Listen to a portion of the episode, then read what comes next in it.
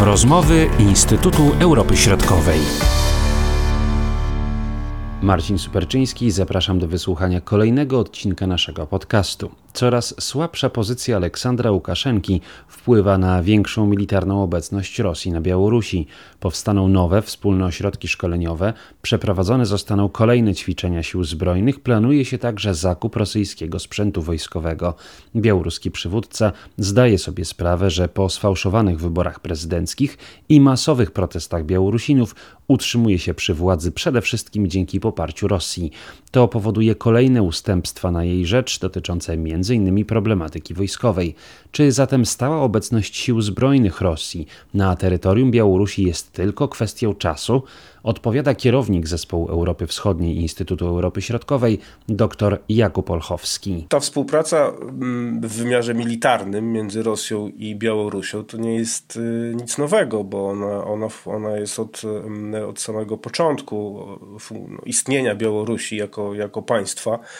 Natomiast w ostatnich latach, kiedy Aleksandr, Aleksandr Łukaszenka trochę się e, e, tak pozycjonował, czy, czy udawał obrońcę suwerenności Białorusi, to, to no, ta współpraca miała, no, przychodziła różne koleje, bo E, pamiętajmy, że kiedy Rosjanie mieli taki plan, żeby, żeby na Białorusi powstała baza lotnicza rosyjska, to Łukaszenka nie był tym zachwycony i tych planów się nie, nie udało zrealizować. Poza tym e, no, Łukaszenka, jak, jak, jak pamiętamy, on lawirował, zwłaszcza w ostatnich latach, między Rosją a Zachodem i dotyczyło to chociaż w dość ograniczonym zakresie także tej współpracy militarnej, bo, bo przypomnijmy sobie, że jeszcze na początku zeszłego roku, 2020, w lutym, e, na Białorusi ćwiczyli, były ćwiczenia z żołnierzami brytyjskimi. Było to dość zaskakujące, ale to był element tej y, tak zwanej wielowektorowości, którą Łukaszenka sobie wymyślił. Natomiast później wydarzyło się, jak wiemy, dużo na Białorusi i to się diametralnie zmieniło. I teraz Łukaszenka, który oczywiście nie odda władzy, zdaje sobie też sprawę, że on, tej, że on tę władzę może utrzymać wyłącznie dzięki poparciu Rosji. E, w związku z tym wszystko się całkiem zmieniło, bo, bo Rosja oczywiście też potrafi to rozegrać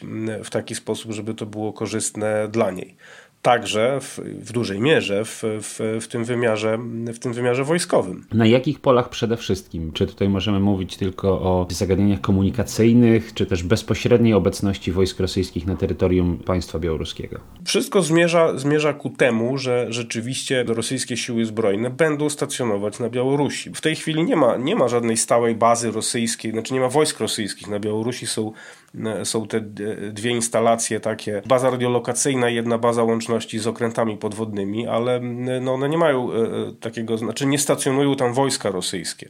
Natomiast wszystko zmierza teraz w tym kierunku, że one się tam jednak pojawią. Natomiast ta współpraca, ona w tej chwili jest rzeczywiście bardzo intensywna w takim wymiarze e, wspólnych ćwiczeń. Oczywiście w, we wrześniu tego roku będą ćwiczenia Zapad 21. To będą ćwiczenia, które mają pokazać, jak potrafią współdziałać w wymiarze sojuszniczym siły zbrojne białoruskie i rosyjskie w obliczu wspólnego zagrożenia, co też jest oczywiście znamienne, że chodzi o to wspólne zagrożenie z, z zewnątrz. Ale no, oczywiście te, te ćwiczenia są bardzo ważne, bo one są głośne, one są duże, one są z, organizowane z rozmachem ale to jest tylko pewien element, bo w tej chwili, teraz w marcu, odbywają się ćwiczenia oddziałów desantowych e, rosyjskich i białoruskich. One prawie cały marzec będą trwały i na Białorusi, i na poligonie białoruskim, e, i na poligonie rosyjskim pod, e, pod Moskwą. E, od 9 marca na Białorusi w ogóle trwa sprawdzian gotowości sił zbrojnych zarządzany przez ministra obrony narodowej i to włącznie z, z uruchomieniem środków pozostających w rezerwie, zarówno sprzętu, jak i, jak i chodzi też o powołanie części, części rezerwistów do, do służby. Są plany, które ustalili na początku marca ministrowie obrony Rosji i Białorusi, utworzenia centrów szkoleniowych wspólnych Dwa mają być mm, e, w Rosji i jedno na Białorusi. Będą też znowu te międzynarodowe igrzyska wojskowe, w których e, no, Białorusini zapewne, jak zwykle, tradycyjnie e, wezmą udział. To też jest spora impreza, więc ta, ta współpraca jest bardzo intensywna. Do tego jeszcze możemy dodać zakupy. Spora lista jest tych zakupów, bo to są i, i samoloty, i śmigłowce, i systemy artyleryjskie, i systemy rakietowe, i systemy obrony przeciwlotniczej, i, i bezzałogowe środki powietrzne itd. Tak dalej. Skąd na to Białoruś bierze pieniądze? Czy to są rosyjskie kredyty na zakup rosyjskiej broni? Oczywiście, że to są rosyjskie kredyty na zakup rosyjskiej broni i oczywiście, że to jest element, krótko mówiąc, wchłaniania powolnego, małymi krokami wchłaniania Białorusi przez Rosję. I oczywiście Rosja wykorzystuje sytuację, bo tak jak już o tym wspomnieliśmy, Łukaszenka, żeby utrzymać się przy władzy, musi współpracować ściśle z Rosją. Zresztą ostatnie to spotkanie obu prezydentów, Putina i Łukaszenki w Soczi, bardzo ładnie nam to pokazało. Jeśli chodzi o tę współpracę wojskową, to tu jest jeszcze, znaczy tu są co najmniej dwa wymiary, bo oczywiście ten wymiar taki międzynarodowy, czyli taki, że ta współpraca jest pewnym, znaczy jednym z elementów tego podporządkowywania sobie e, Białorusi przez Rosję, no to jest jedna, jedna kwestia. Inna kwestia to jest taka, że e, ta intensyfikacja w ogóle działań w tej sferze militarnej to jest e, element konsolidacji reżimu. Dlatego, że pamiętajmy, tu ciągle jest mowa o zagrożeniu z zewnątrz, o tym, że Polska knuje, że Litwa knuje, że Amerykanie knują i ogólnie NATO knuje przeciwko Białorusi.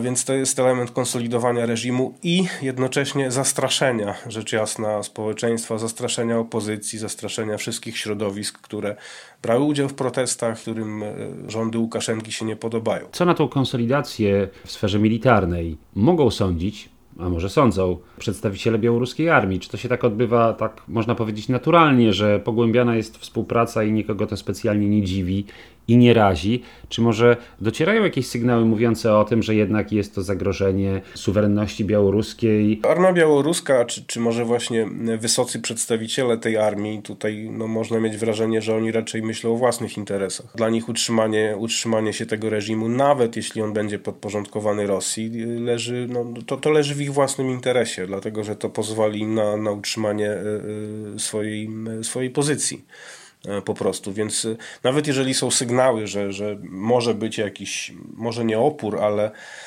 jakieś zaniepokojenie tego typu e, e, no, ekspansją Rosji, bo tak to trzeba nazwać, e, to one nie docierają, one się, one się nie wydostają z, z Białorusi, tego, tego, typu, tego typu sygnały. A, a ten proces jest, jest ewidentny, bo, bo tu jest mnóstwo sygnałów i nawet nominacja ambasadora. Ambasadorem Rosji na Białorusi został Jewgenij Łukianow, który nie jest dyplomatą. To jest typowy kremlowski aparatczyk, który w dodatku słynący z różnych wypowiedzi takich antyzachodnich, ale to jest człowiek, który uważa, że i nie kryje się z tym, że najlepszym sojusznikiem e, Rosji jest flota i armia. Ten wymiar militarny jest y, dla niego bardzo ważny, więc to, że on jest ambasadorem, będzie też sprzyjało temu zacieśnianiu, zacieśnianiu więzów y, w, w dziedzinie obronności w, w, w tym wymiarze, wymiarze militarnym. A to, to, znaczy, to służy też strategicznym celom Rosji, bo E, bo jeżeli popatrzymy na mapę, to Białoruś jest takim klinem, e, takim klinem, który pozwala na e, flankowanie państw bałtyckich z jednej strony i Ukrainy z drugiej strony.